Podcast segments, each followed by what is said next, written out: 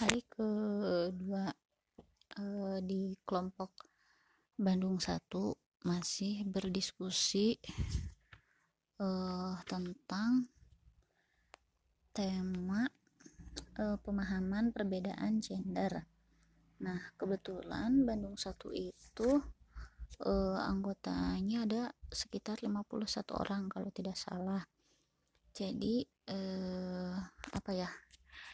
Bagaimana caranya biar uh, semua anggota ada kontribusi di dalam dalam apa? Dalam uh, zona ini.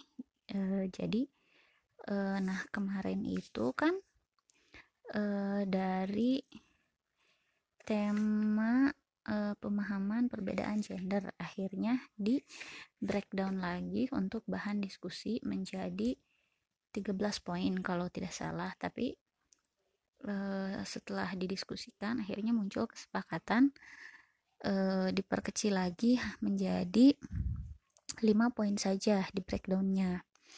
Nah poin pertama itu membahas isu menarik tentang gender. Poin kedua teori-teori tentang pengertian gender. Poin ketiga ajaran Islam tentang gender.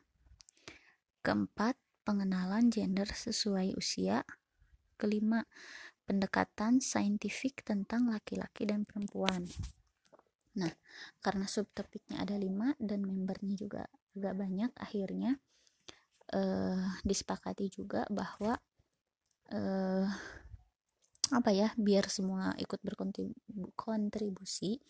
Jadi uh, apa untuk mempersiapkan live nanti ada e, dibagi menjadi e, semua member itu dibagi menjadi narsum sekitar 10 orang, notulen 1 sampai 2 orang, PPT e, 2 orang. Jadi e, narasumber itu e, bisa memilih akan e, mencari sumber tentang subtopik e, mana dari kelima subtopik tadi.